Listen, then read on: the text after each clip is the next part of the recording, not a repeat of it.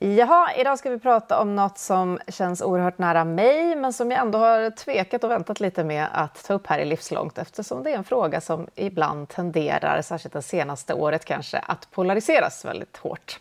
När jag var liten så var det en helt annan sak. Jag hade näsan i en när jag gick till bussen. Jag råkade gå in i folk ganska ofta. Jag hade en i smyg efter släckning på kvällen och jag hade med mig många när jag reste bort. Och då är det förstås böcker som jag pratar om och vi ska prata läsning. Och på den tiden så var det ingen som sa åt mig eller fnös för att jag gick in i dem när jag gick läsandes och inte hann titta upp i tid. Idag kan det vara lite annorlunda. Och vi har nyligen hört presskonferenser med käckt framtagna formuleringar som “från apparnas apati till böckernas magi”. Och många bekymrade uttalanden har gjorts om att läsningen går ner samtidigt som digitaliseringen i skolan särskilt har fått bära skulden. Då. Livslångt, en podd om lärande.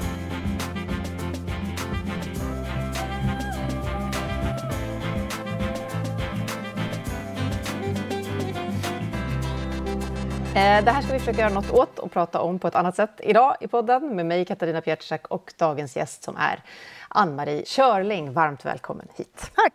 Det ska bli roligt att prata om läsning. Jag måste bara börja med att fråga, läste du också som besatt när du var liten? Som jag, i smyg?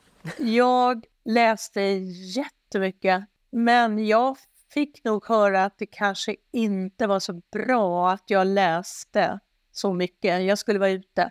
Mm. Um, och sen fanns det ju väldigt mycket böcker som man inte fick läsa och de läste man ju också. Nu när du säger det så båda de sakerna gäller faktiskt även mig. Kan du gå ut någon gång?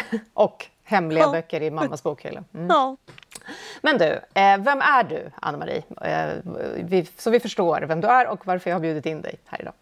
Ja, jag heter Ann-Marie Körling. Jag är lärare, grundskollärare, författare, skriver, har skrivit eh, väldigt många böcker om undervisning och läsande och en del barnböcker också. Eh, jag föreläser sedan slutet av 1900-talet och eh, har i princip pratat om läsning, undervisning och undervisning och läsning och läsning och undervisning. Mm. Och förhållningssätt. Eh, så att jag har rest runt i hela Sverige. Jag vet inte ett otroligt stort antal skolor som jag mött och sen har jag varit utomlands och utbildat mig också. Och vad tog dig då från det här, det kanske inte är en helt otänkbar koppling, men vad tog dig från det här läsandet som barn till att använda det här i hela ditt liv? Hur blev det så? Jag, jag, kan, jag kan liksom inte tänka mig ett liv utan att läsa. Det är så svårt att tänka bort böckerna. Nej, men jag fortsatte väl att läsa. Jag hade börjat läsa och fortsatte att läsa och det ju, finns ju oändligt mycket att läsa om och ur och av. Och jag tänker också att det vimlar av så många andra runt mig när jag läser. De som är i böckerna, men också de som har skrivit böckerna och illustrerat böckerna. De är plötsligt runt omkring mig när jag öppnar en bok. Och det, jag, jag tycker om det förhållandet. Mm.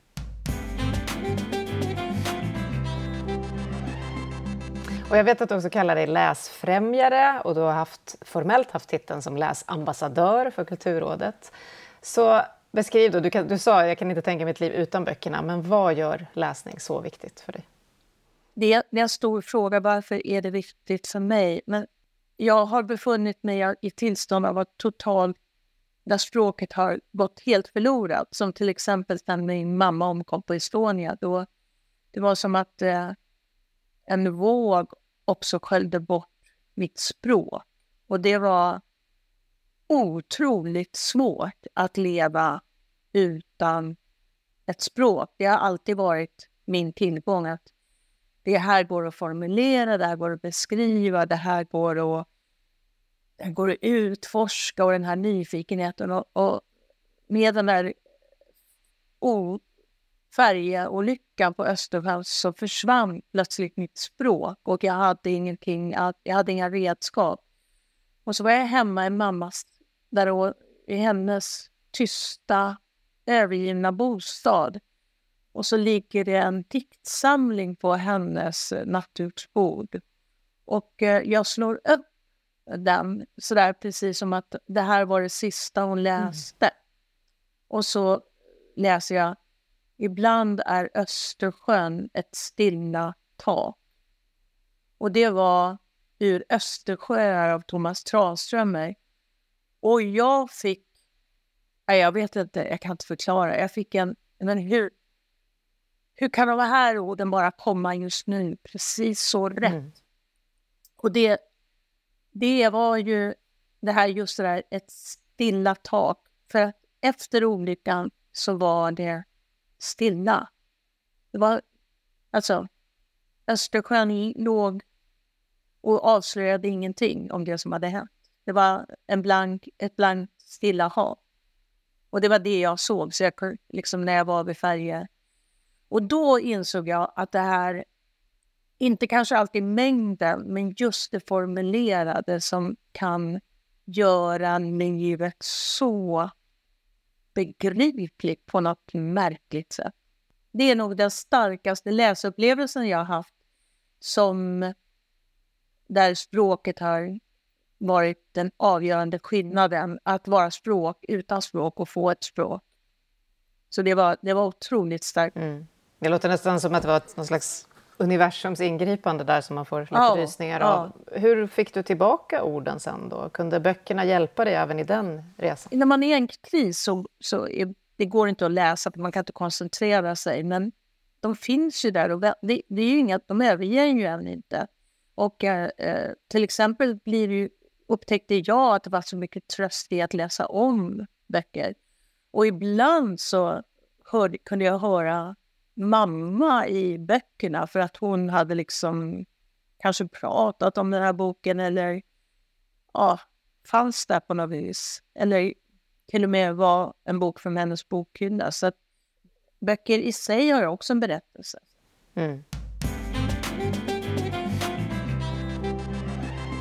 Jag hade tänkt fråga, eller be dig beskriva magin med en bok. Eh, jag vet inte om jag behöver det nu, men jag tänker att den magin har du säkert varit med om i allt det här du berättade om undervisning, läsning, läsning, undervisning. Ja. Att den har uppstått även där. Hur, hur kan det ha sett ut under din resa? Jo, men det fina med att läsa när man är ett barn är att man skriver in sig själv i berättelsen och så skapar man mer.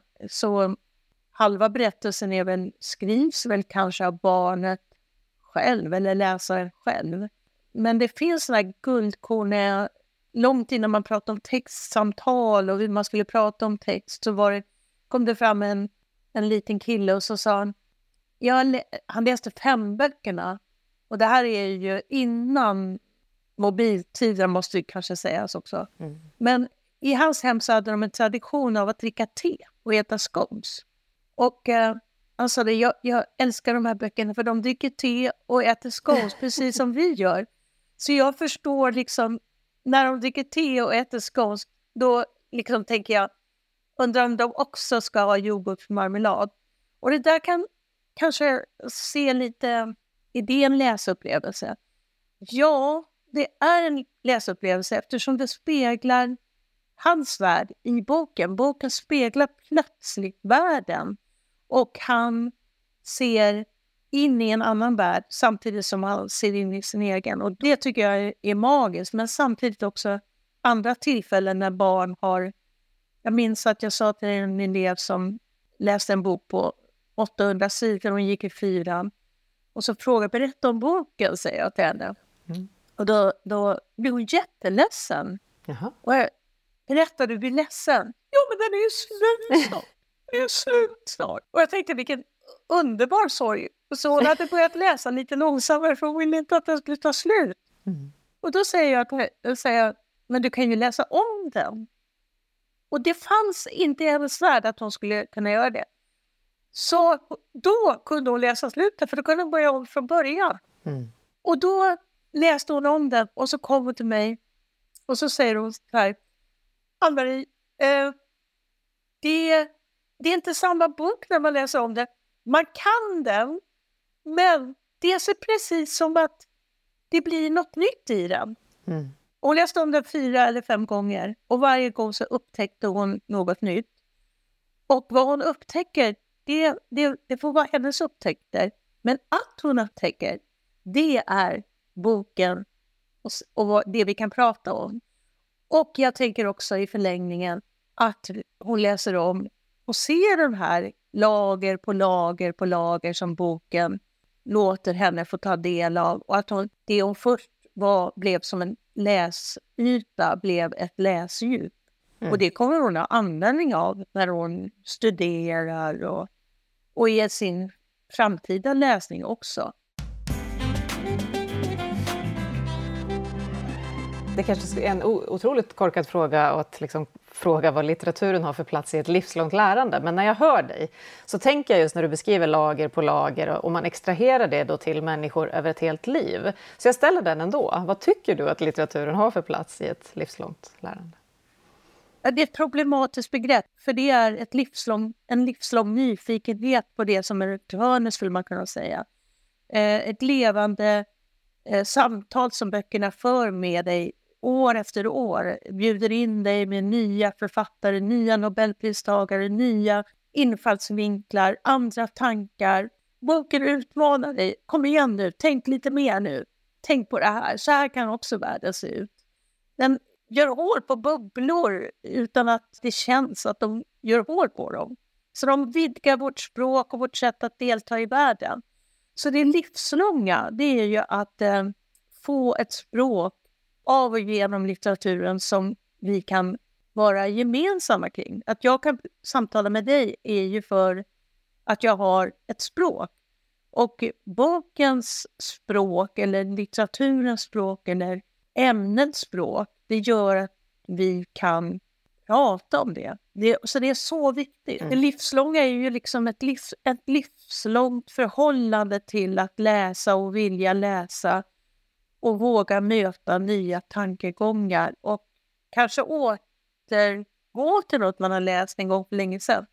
Jag har ägnat sommaren åt att eh, jag tänkte, men Vilhelm Moberg, Utvandrarna. Alltså det gick en kall kår av obehag i mig när jag bara... För att boken var förstörd i skolan. Mm. Den var förstörd också för mina egna barn, för de, det var ett måste, man skulle läsa den här. Och, och, och eh, ja, det var intressant att läsa om honom. Mm. Men jag kanske ska möta den här litteraturen igen och, och liksom gå in med lite, försöka få bort det där buttra som jag kände och det här avoga inställningen. Och jag fick en läsupplevelse, jag ryser. Alltså när jag ska prata om det så är det som att jag aldrig någonsin har läst den här boken. Wow. Och jag tänker då, okej, okay, kan det höra ihop med att jag är äldre? Ja, det kanske det kan. Mm. För jag har ju förändrats. Det är ju inte boken som förändras, det är ju jag som har förändrats. Och jag kan, kan njuta av språket. När började jag njuta av språket? Det gjorde jag inte som barn. Eller gjorde jag det? Var det roligt att säga krake, spektakel, kusin? Ja, men det, var, det är ju en slags njutning. Mm. Men det där är ju, den ser olika ut i olika tider. Men jag har haft en hisnande upplevelse nu som har gjort att jag har läst Rasken, jag har läst Soldat med brutet gevär. Jag plöjer Vilhelm Moberg, helt mm. enkelt. Jag blir väldigt sugen då på att hade göra det. Hade du frågat för ett halvår sedan så skulle jag säga nej, det är inte det jag tycker är så intressant att läsa. Nej. Så böcker kan ju åter göra någonting med oss när vi möter dem igen, för vi får också syn på oss själva. Det har gått så många år sedan jag mötte det här. Och jag har inte tagit tur med de här liksom, trista synen som jag har liksom fått av böckerna. De har inte fått en chans, så jag måste ge dem en ny chans. Och det är det roligaste jag har gjort helt enkelt. Jag blir väldigt sugen på att följa ditt spår, för jag har ja. exakt samma känsla för böckerna. Sen har ju musikalen, eftersom jag har gjort musikhållet, gjort sitt för själva historien och berättelsen. Alltså Kristina från Duvemåla.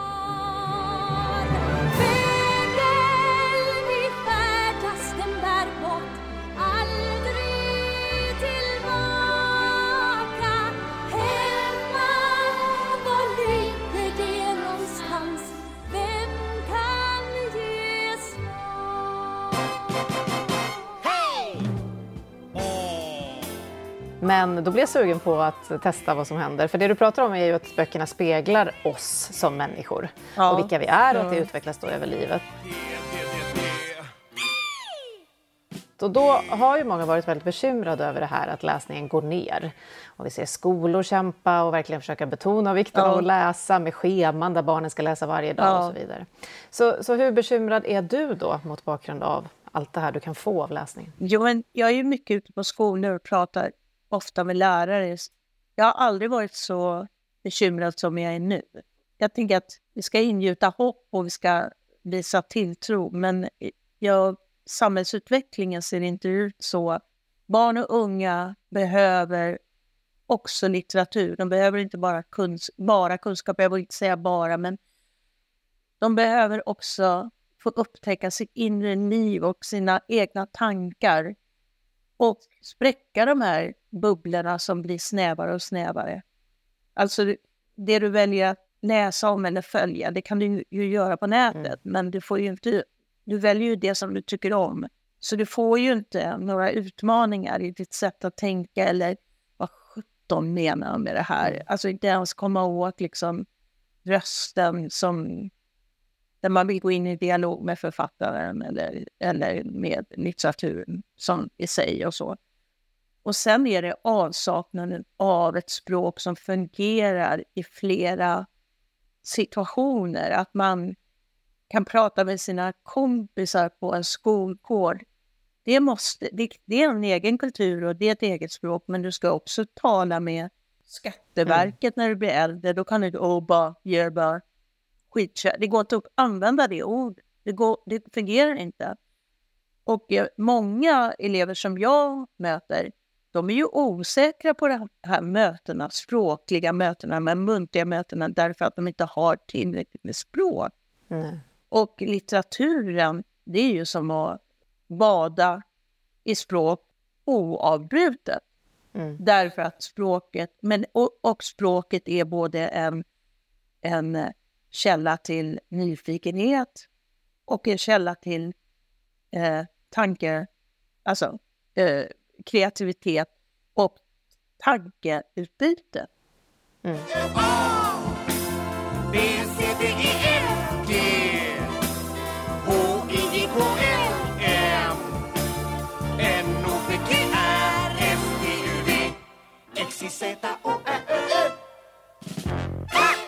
Men vad beror det här på då? Du har ju också skrivit om eh, pojkars läsande. Det ja. är ju ofta uppe på agendan som extra bekymmersamt och det sägs att de inte vill läsa. Och då har du skrivit boken Pojkars läsande. Eh, så vad säger du, vad, vad ligger bakom det här? Är det så att barn i allmänhet, och särskilt pojkar, inte vill ha det här språkbadandet? Nej. Om vi kunde sluta och prata om att det handlar om vilja så skulle vi komma ganska långt, skulle jag tänka mig. För att det är inte frågan om att man inte vill lyssna på böcker eller vill delta i samtal eller vill läsa. Utan det är ju någonting som gör att man inte vill. Och vad man skyddar då är ju sin, kanske, vad en hel bok faktiskt innebär att läsa en hel bok. Nej, Har man aldrig gjort det, då kan man inte veta att okej, okay, det kommer att eh, lösa sig på slutet eller, eller författaren kommer ta oss genom det här trassliga och det kommer kanske blir bra eller, eller så. De har ingen aning. Jag hade elever i årskurs 9 som jag hade läst spännande avsnitt ur boken och det var väl någonstans mitt i. Mm. Och eh, de visade inget intresse för det. Men flera månader senare så hade boken liksom börjat tala till dem ändå. Så att de kommer till mig och liksom, då har de diskuterat det där innehållet. Och så vill de veta om jag kan svara på det. Och jag vet ju inte ens vad de pratar om för att jag vet ju inte vilken bok det är. Mm. Jag läser så mycket litteratur för dem. Och de är längst ifrån litteraturen. De har inga föräldrar som läser mm. och de har inte, liksom, de kan inte läsa. Och då eh, så tog jag fram boken och jag har i den här boken ni pratar om? Ja, de kan, de kan. och jag bara, berätta hur ni tänker. Ja, men han fick ju något astmaanfall, han måste dö. Så titta på slutet så här, så Nej, han dog inte. Och så började de diskutera, varför dog han inte? Och till slut så ville de läsa hela boken. Mm. Därför att eh, boken hade försatt dem i en slags vetgirighet mm. som de inte själva kände sig bekanta med. Och den vetgirigheten kom av att de var aktiva frågare.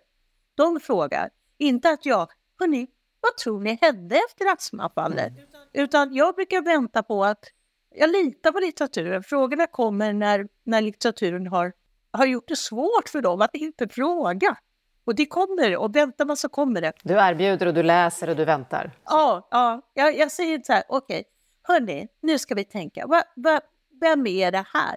Däremot så låter jag dem veta att när jag läser om ett monster till brorsa, då tänker jag också lite på majsenmän och människor och, och jag får lite såna här, för att det är så sammanvävt. Ska jag, ska jag visa er hur, hur eh, Mårten Sandén skriver och, och, och, och hur, hur nära det kan ligga ibland?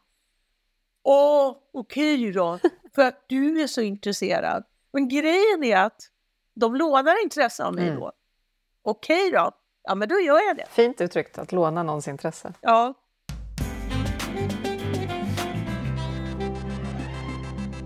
Och det är bara sekunder kvar. Fem, fyra, tre, två, Varmt välkomna till Svenska Akademin. Jag heter Mats Malm och är akademins ständiga sekreterare. Akademin har just sammanträtt och kan presentera sitt beslut om vem som tilldelas årets Nobelpris i litteratur. Very welcome to the Swedish Academy. My name is Mats Malm, I'm the permanent secretary. The Academy has convened and can now announce its decision on the Nobel Prize in Literature. Nobelpriset i litteratur år 2023 tilldelas den norska författaren Jon Fosse för hans nyskapande dramatik och prosa som ger röst åt det otsägbara. Eh, apropå det då, eller i alla fall en bra övergång till det, så bokade jag vår inspelning idag här av misstag samtidigt som Nobelpriset i litteratur skulle kungöras. Riktigt misstag för en boknörd faktiskt. Eh, mycket att göra, skilja på. Men vi sköt på det en timme då, så nu vet vi alldeles nyss att den norske dramatikern och författaren Jon Fosse fick priset. Först bara då, så här som att det vore i direktsändning i Sveriges Radio. Har du någon kommentar till det valet? Alltså, nej, jag har ingen kommentar. Jag den kommentar jag har är att eh, jag ska, efter att vi har pratat, använda mig av min nyfikenhet och gå och botanisera i bokhandeln och se vad som finns. Och eh, jag brukar läsa någonting. Eh, jag har ingen Fosse i min eh, eh, egen bokhylla och, och, då tänker jag, då är det dags för att, att Fosse flyttar in hit. Mm. får vi se sen. Mm. Nyfikenheten tar det även dit. Jag har också bara något ja. svagt minne av en pjäs på Dramaten som han hade skrivit, ja. Flicka i gul regnjacka. Hans dramatik kanske jag mött.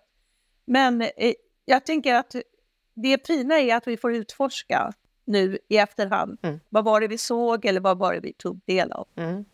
Jag får också lite minnen av när jag faktiskt jobbade på Sveriges Radio förr och eh, stod i sändning på, eh, när det här kungjordes den gången. Och alla ringde mig, alla kollegor, och frågade hur uttalar man det här namnet? För då var det den polska poeten Wisława Szymborska som hade fått priset, väl 27 år sedan eller något. Men från då och fram till nu, mm. när vi nu pratar om det här med läsningen och hur den utvecklas. Ja. Hur, hur stort skulle du säga att det här med Nobelpris i litteratur är idag om också inställningen till läsning förändras? Om vi nu får vara lite krassa. Sverige delar ut Nobelpris, mm. fredspriset i Norge. Eh, vi har Astrid Lindgrens Memorial som är för barnlitteratur. Det är nästan så, det är ju konstigt att vi inte har en läsande befolkning då. Mm. Alltså litteraturen är ju för oss. Den är ju, författarna vill ju bli lästa, bilderna vill bli lästa det är ju för oss, det är ju inte... Det är därför jag tycker det är så skönt att säga nej, jag har ingen Fosse. Mm. Men jag kanske kommer få en bok.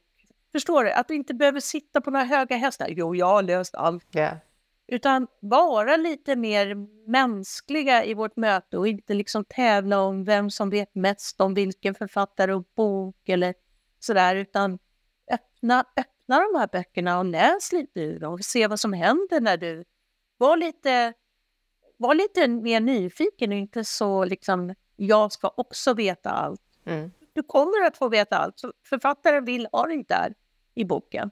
Men sen när det kommer till läsförmåga så är ju det att inte kunna läsa.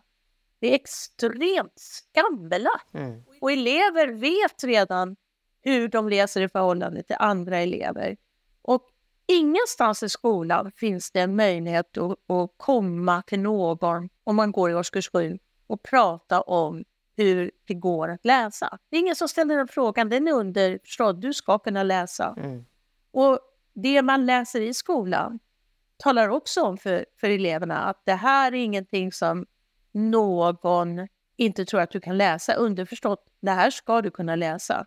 Så kan man inte läsa då, mm. vem ska man gå till? Mm. Så hur ska man våga säga det? Ja. ja, hur ska man våga säga det? Och jag har träffat, jag minns en gammal kvinna som jag intervjuade och hon tyckte det var...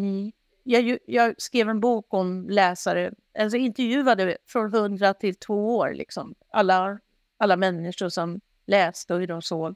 Och hon var väl kanske 83.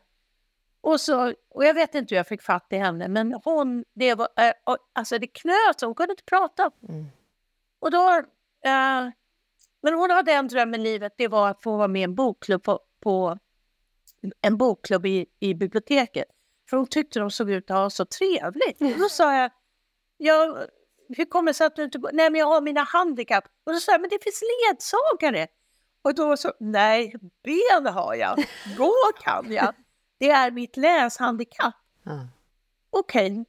berätta om det. Ja, jag tycker det är så fint att det finns ett språk för det nu för tiden. Men när jag upptäckte mitt läshandikapp, mm. då fanns det inte det. Och jag känner fortfarande, det känns obagligt att prata om. Okej, okay, men, så, så, men kan vi inte ändå försöka? Jo, oh, då försökte vi. Och då så sa hon att eh, hon är en långsam läsare. Mm och tyckte att det var så bra med dyslexi och att allt det där kom upp och så. Eh, och då frågade jag henne, när fick du veta att du var en långsam läsare? Och då tänkte hon efter. Ja, när jag var sju år. Mm. Och jag, var, jag vet jag började gråta när jag hörde när jag berättar det här. För att det, det blir så, det gör för ont i mig. Liksom. När du är sju år, då frågade jag, hur gick det till? Jo, men jag märkte på min fröken man skulle läsa upp i, i i klassrummet. Skulle man ha högläsning så skulle man läsa upp och då märkte hon att hon läste sämre än sin kompis. Och hon hade svårt att uttala, det blev, hon stakade sig lite och så märkte hon att hennes fröken gjorde ja, då får du sluta och så går vi över till nästa. Ja, Alla goda läsare fick inte den där harklingen. Mm. Och eh, eh, ja, så det hade påverkat hennes yrkesliv och hon eh, sa hela tiden, jag är ordentlig med siffror, jag är ordentlig med siffror. Jag är väldigt ordentlig med siffror. Så jag, jag, jag, tog, jag har eh, jobbat på post. Mm. Och då var hon 83 år och drömde om att få gå till en bibliotek och vara med i en bokcirkel. Men hon gjorde inte det för att ta hänsyn. Mm. Då kände jag bara, kan inte du bedöma min läsförmåga och min läshastighet? Och då jag såg nästan hur horna växte upp för att jag är lärare. Ja. Så hallå, välkommen. Och så läste jag för henne och så säger hon så här. Ja, du och jag samma, vi läser på samma sätt. Ja. Okej, så jag. Jag fick höra att jag var en snabb och slarvig läsare och då hörde jag. Hon, hon bara, nej nu. Och så gick hon och anmälde sig till läsecirkeln. ja, ja, men det är för sent, hon är 83 år.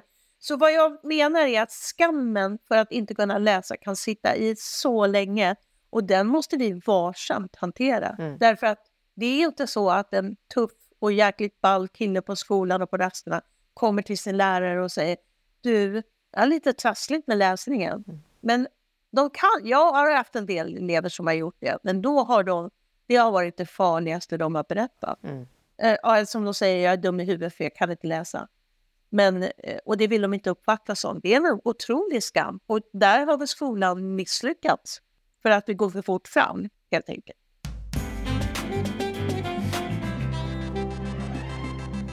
Och hur ska vi då göra? För att jag pratar ju ofta med andra föräldrar förstås, eh, och också med mina barn. Och senast häromdagen med en förälder som älskar böcker, säger hon. Och hon sa, jag vet hur viktigt det är att läsa och vi försöker hemma, men det är så svårt att hjälpa barnen in i det här, fast man då själv är eller har varit en läsande person. Det är så mycket annat i det här livet som vi lever i just nu. Vad, vad tänker du att, att man kan göra? Jag har också hört andra på... Ja, men jag tänker så här, vi, vi vill våra barn det bästa. Mm. Och det finns ju lite svalka, vad, vad, behöver du i din relation till dina barn? Lite svalka, lite svalka. Och grejen är att när vi oroar oss för någonting, då vet barn det. Mm. De vet så här, ja du vill att jag ska läsa. Och då, vi bjuder in motståndet.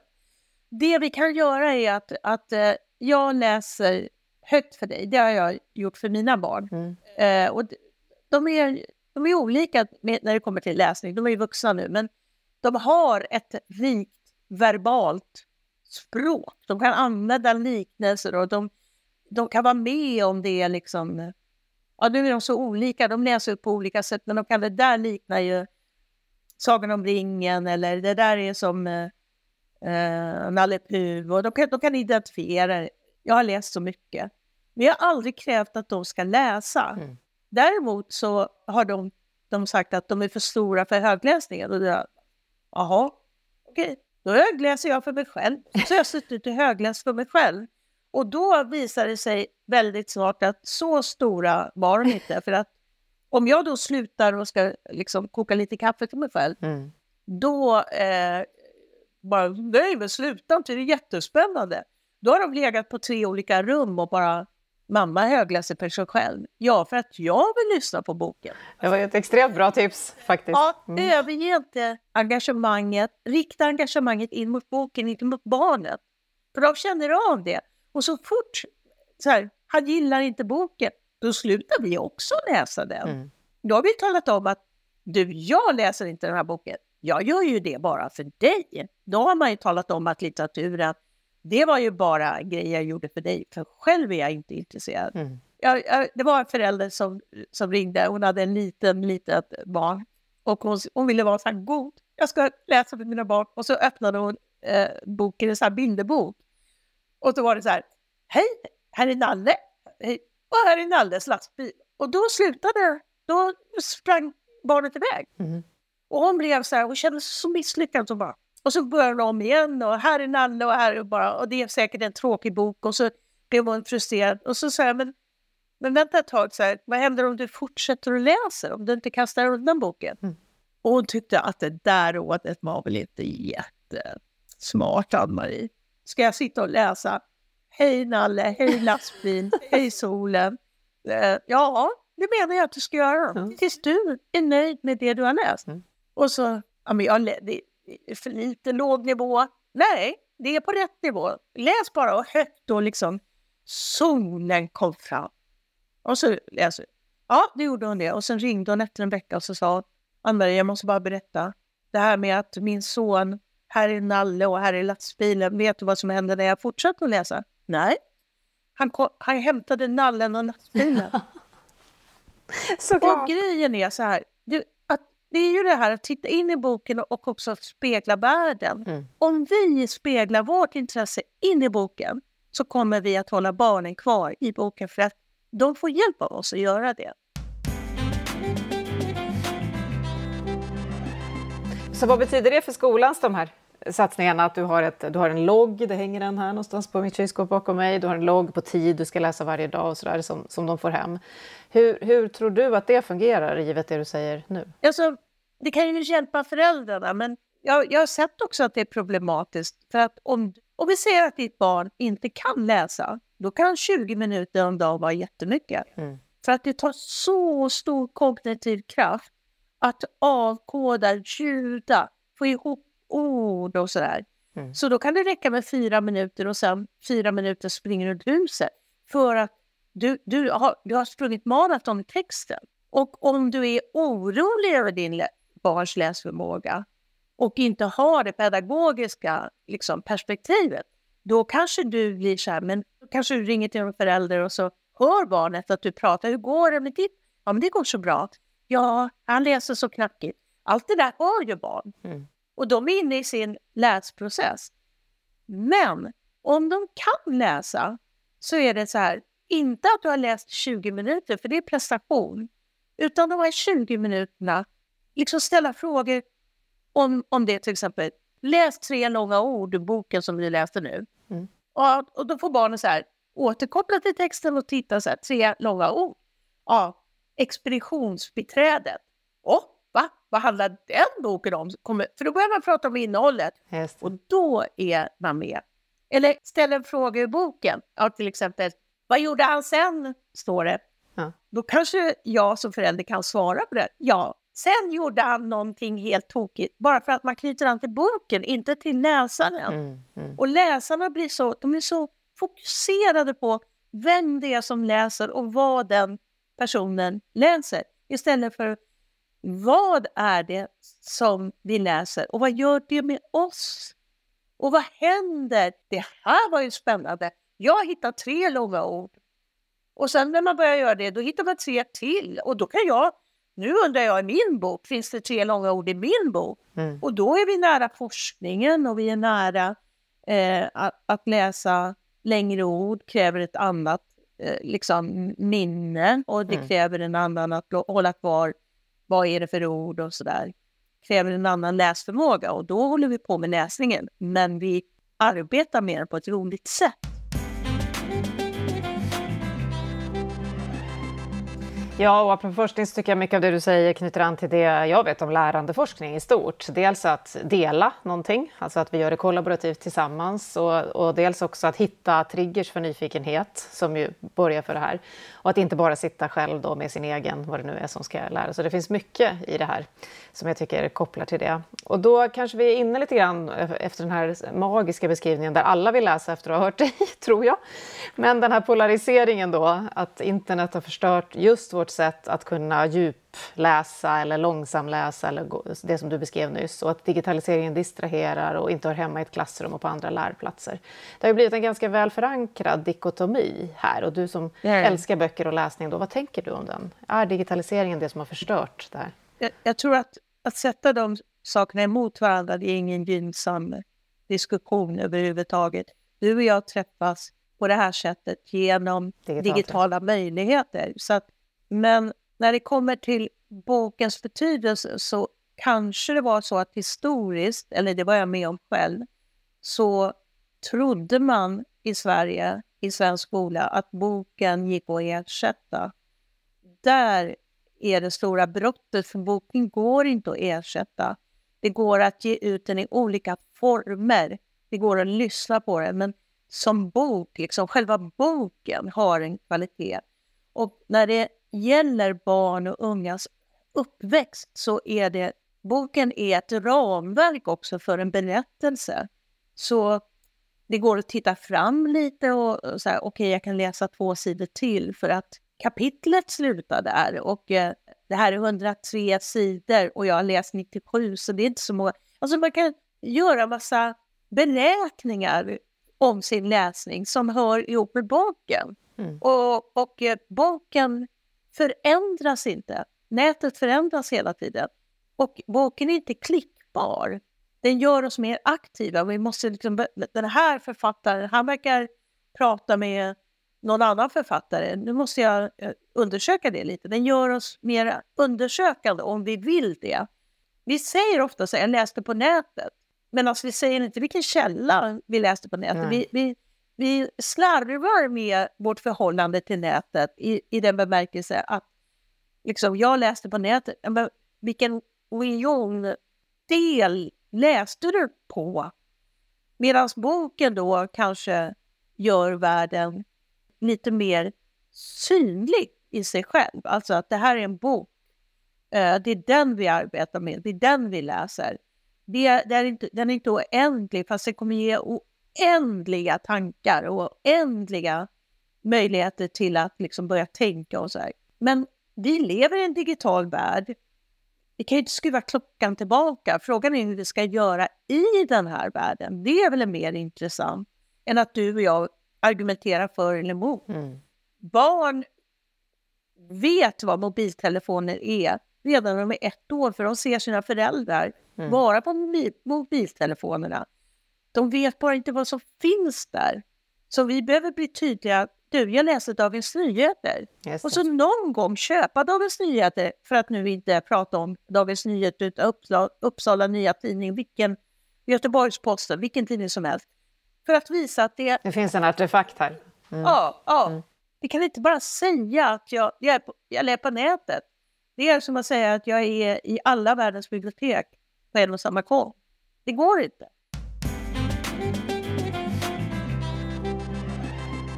Men när jag hör det så tänker jag att man har blandat ihop också lite, för du pratar ju om boken i sig själv och berättelsen som finns i boken. Och ofta tycker jag när man pratar om det här från apparnas apati till böckernas magi, eh, när vi pratar om klassrum, då handlar det ju också om verktyg och format och olika sätt att hitta information och kunskap och så, som ju kan vara mer uppdaterat och ge ett större värde digitalt. Eh, men att man ställer just de här två mot varandra, att det skulle vara samma sak. Nej, men jag, ibland så tänker jag, så här, vad, vad händer om vi låter barn söka lite mer på de, det de läser i skolan? Till exempel, stämmer det att Kebnekaise är så här? Nu har Kebnekaise smält. Mm. Vad skulle en sån information ge oss om vi arbetar med den? Inte att, vad säger de på nätet? För det, det är fel fråga. Vilka är de fem första artiklarna som kommer upp? Eh, finns det något gemensamt för de artiklarna? Och varför kommer de upp mm. när vi söker? Digital kompetens. Ja, mm. att man liksom eh, ställer sådana frågor. Och boken kan ju, om det är en, en bok som Kebnekaise, då är det fakta som kommer att, den är ju föränderlig. Yeah. Men det finns någonting i berättelsen om Kebnekaise som är bestående. Och att börja prata om de sakerna, att lära oss att handskas med det digitala i klassrummet. För det är många elever som säger så här, jag, jag, jag vill söka på det här, men jag kan inte för att jag får inte. Mm. Okej, okay. men om vi berättade vad idag vill vi söka på, då är vi plötsligt inne på någonting som kanske, jag vill söka mer om den här författaren eller jag vill söka, stämmer det att ålar liksom tar sig till Sargassohavet eller stämmer det mm. här mm. verkligen? Har eh, Curie fått, jag menar, förstår du? Ja. Allt det här som vi kan, stämmer det? Och sen stämmer det med det som vi får reda på? Hur ska vi veta vad som är sant? Det är ju jätterolig undervisning. Mm. Medie och informationskunnighet kommer in där jätte, jättemycket. Ja. ja, jag hör på dig, det är verkligen både och för att det ska vara verklighetstillvänt och inte antingen eller. Men det finns olika roller att spela för de här olika delarna. Jag tror bubblorna är, är, ja, bubblorna är väl det som att vi kan lockas in i bubblor som vi tror är sanna. Mm. Och eh, boken kan ju också göra det. Det finns ju också massor med böcker som bubblar in, ger oss bubblor. Men det är en bok och så läser vi någon annan bok. Så det är på något vis synligt var vi hamnar när böckerna är, liksom ligger framför oss. Vi kan prata om böckerna. Inte lika algoritmstyrt, mm. nej.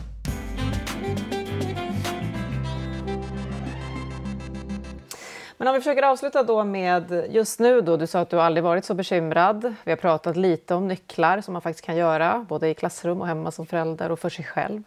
Eh, vad skulle du säga gör att det är så oerhört viktigt just nu att vi låser upp det här? Att vi liksom får tillbaka det som, eller utforskar vidare det som du har beskrivit är det viktiga med böcker? Ja, det är väl att se till att berättelser får... Att vi, kommer, att vi blir berättande, att berättelser får liv, att vi samlas kring någonting som vi får diskutera och samtala kring. Eh, för att vi måste värna demokrati, vi måste, vi måste lära oss att vara tillsammans helt enkelt. Och just nu är det hotat. För eh, troll hotar, eh, vår rädsla för andra människor ökar. Den andra, vem är, vem är den andra? Som vi pratar om. Och eh, det är som att vara Alice i Underlandet, det är ju inte ett underland som är frånvänt utan det är en spegel av någonting. Vi tittar in i någon, en spegelvärld. Och eh, jag har elever från andra länder och de rekommenderade mig att läsa Pinocchio. Mm. I want to tell you a story. It's a story you may think you know but you don't. Och eh, eh de, eh, de, var, de var 11 år och de läste den själva för att deras lärare hade berättat om Pinocchio. Och vad är det här för bok? Och jag uh, hade ju den hemma så jag läste den. It's just a puppet! No I'm not! I'm a real boy! People are sometimes afraid of things they don't know. I don't understand!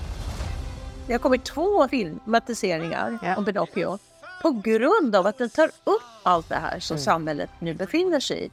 Det gör ju Pinocchio till en, jag menar, den ska vi ju läsa. Mm. Och det är inte ett boktips utan det är mer så här att i böckerna så finns det liksom berättelser som vi kan spegla oss i, men också hur vi kan skapa förståelse och hur vi socialiseras in i samhällen och gemenskaper. Och det är viktigt. Och idag pratar vi om att vi behöver nya berättelser också med allt vi måste ställa om i och sådär. Att vi saknar lite de gemensamma berättelserna. Så vi saknar gemenskapen. Mm platserna för gemenskap och platser, eh, innehåll för gemenskap. Och gemenskap är inte att tycka lika, utan att få diskutera med värdighet och respekt våra olikheter, det är flerstämmiga. Och att vi kan handskas, den som läser högt kan handskas med flerstämmigheten utan att eh, skapa läger. Life is such a wonderful gift.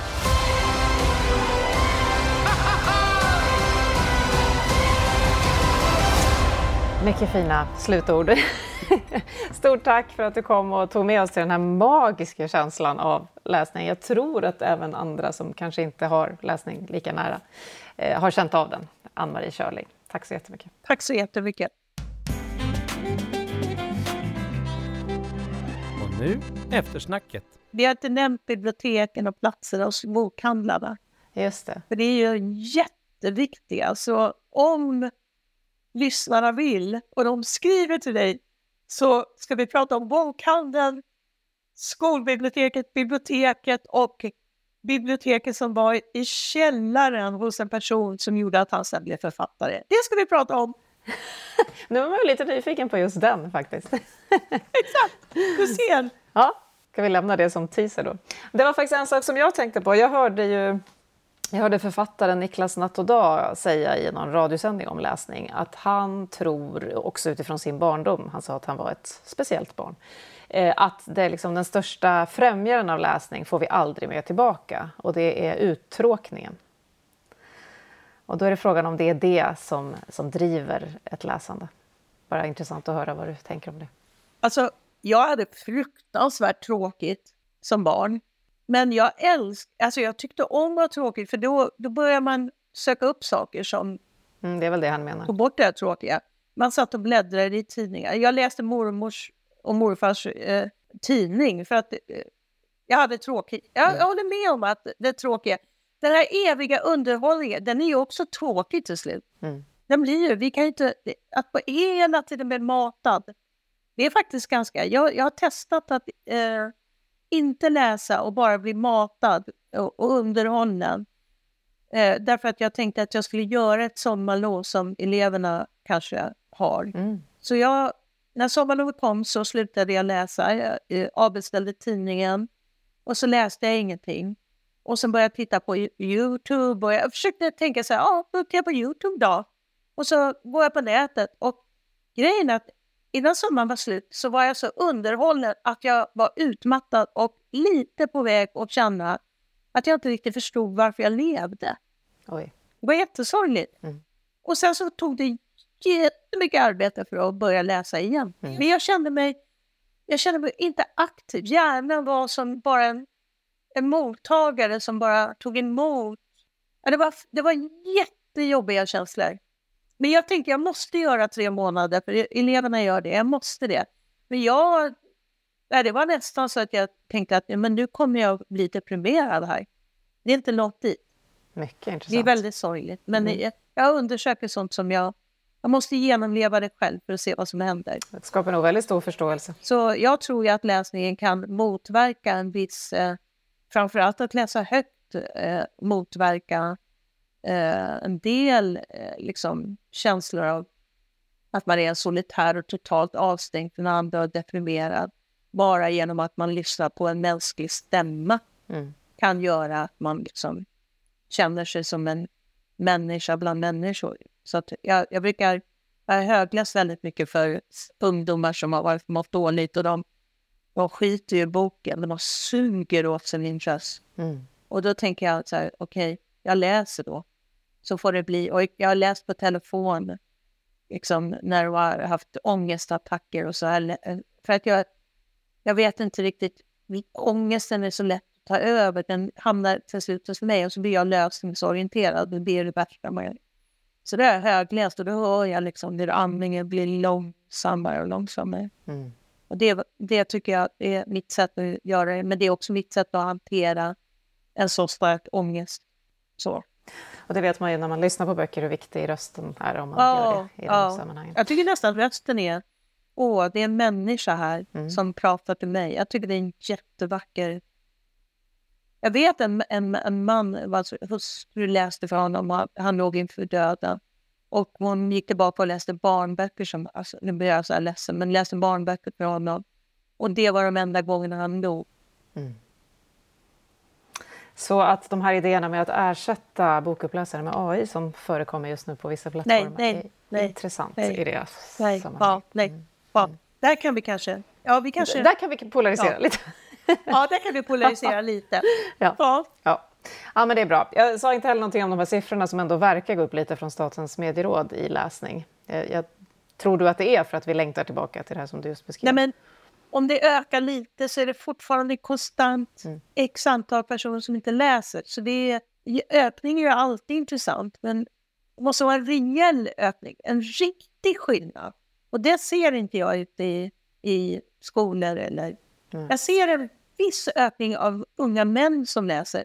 Men då tänker jag så här, nej men det är ju för att jag har skrivit en bok om pojkar och läsning, så jag går med de glasögonen på. Mm, just. Men det jag tycker, på tunnelbanan så ser jag en hel del. Eh, och då blir jag ju nyfiken Mm. eh, varför de läser och pratar lite läsning. Ja, superspännande. Ska inte förlänga det här för Ja. då får vår producent som ska klippa det här ett hästjobb. Ja, men, men eh, tack snälla ja, du! tack själv. Vad, vad är din känsla? Vad får du för känsla när du pratar med mig idag? Vad blir det för... Alltså så här, Är det- eh, en, eh, en befrielse från eh, att hela tiden behöva koppla allt till en, vad ska jag kalla det för då, nyttoaspekt. Även fast det här är en jättestor Ja, ja, fråga. ingen nytta. Nej, nej men liksom det, jag älskar ju att prata bildning, det vet ju alla som har lyssnat på den här podden någonsin. Men att det Ja. också är så att det finns ett så stort värde i det som vi inte kan sätta liksom, ekonomisk prislapp på eller direkt. Eller att, ja, det är en, Nej. och sen är det ju, Nej. alltså, som du hörde då, jag har ju också läst jättemycket. Så det är så, och så blir jag lite, lite Ja. ledsen eller vad jag ska säga för att jag själv känner hur svårt det är. Alltså det här arbetsamma som du, Ja. och det, underhållning är väl ja, möjligen, men allra mest är det jobb. eh, Alltså att det, mitt jobb är så oerhört informationstätt och min hjärna är så oerhört eh, liksom, i arbetsläge konstant. Så att jag orkar helt enkelt inte, känns det som. Fast jag längtar jättemycket efter. Så när jag är ledig så läser jag ju jättemycket mer. Men jag, jag har en föreläsning som heter, eh, jag börjar med Ulf Lundells ord, måste börja läsa böcker ordentligt Mm. igen. Mm. Det, det, är, det är något tyngd i det som Ja. bara... Ja. Ja, det, man får, Så- Jag får ju lite dåligt samvete mot mig själv på något vis. När jag halkar ur och inte orkar. Liksom. Så. Nej, för att vi, vi, det finns så lätt... Ja, ja, vi kan prata hur länge som helst. Ja. Låt oss återkomma. Ja, vi återkommer. Mm. Då säger vi hej då. Absolut.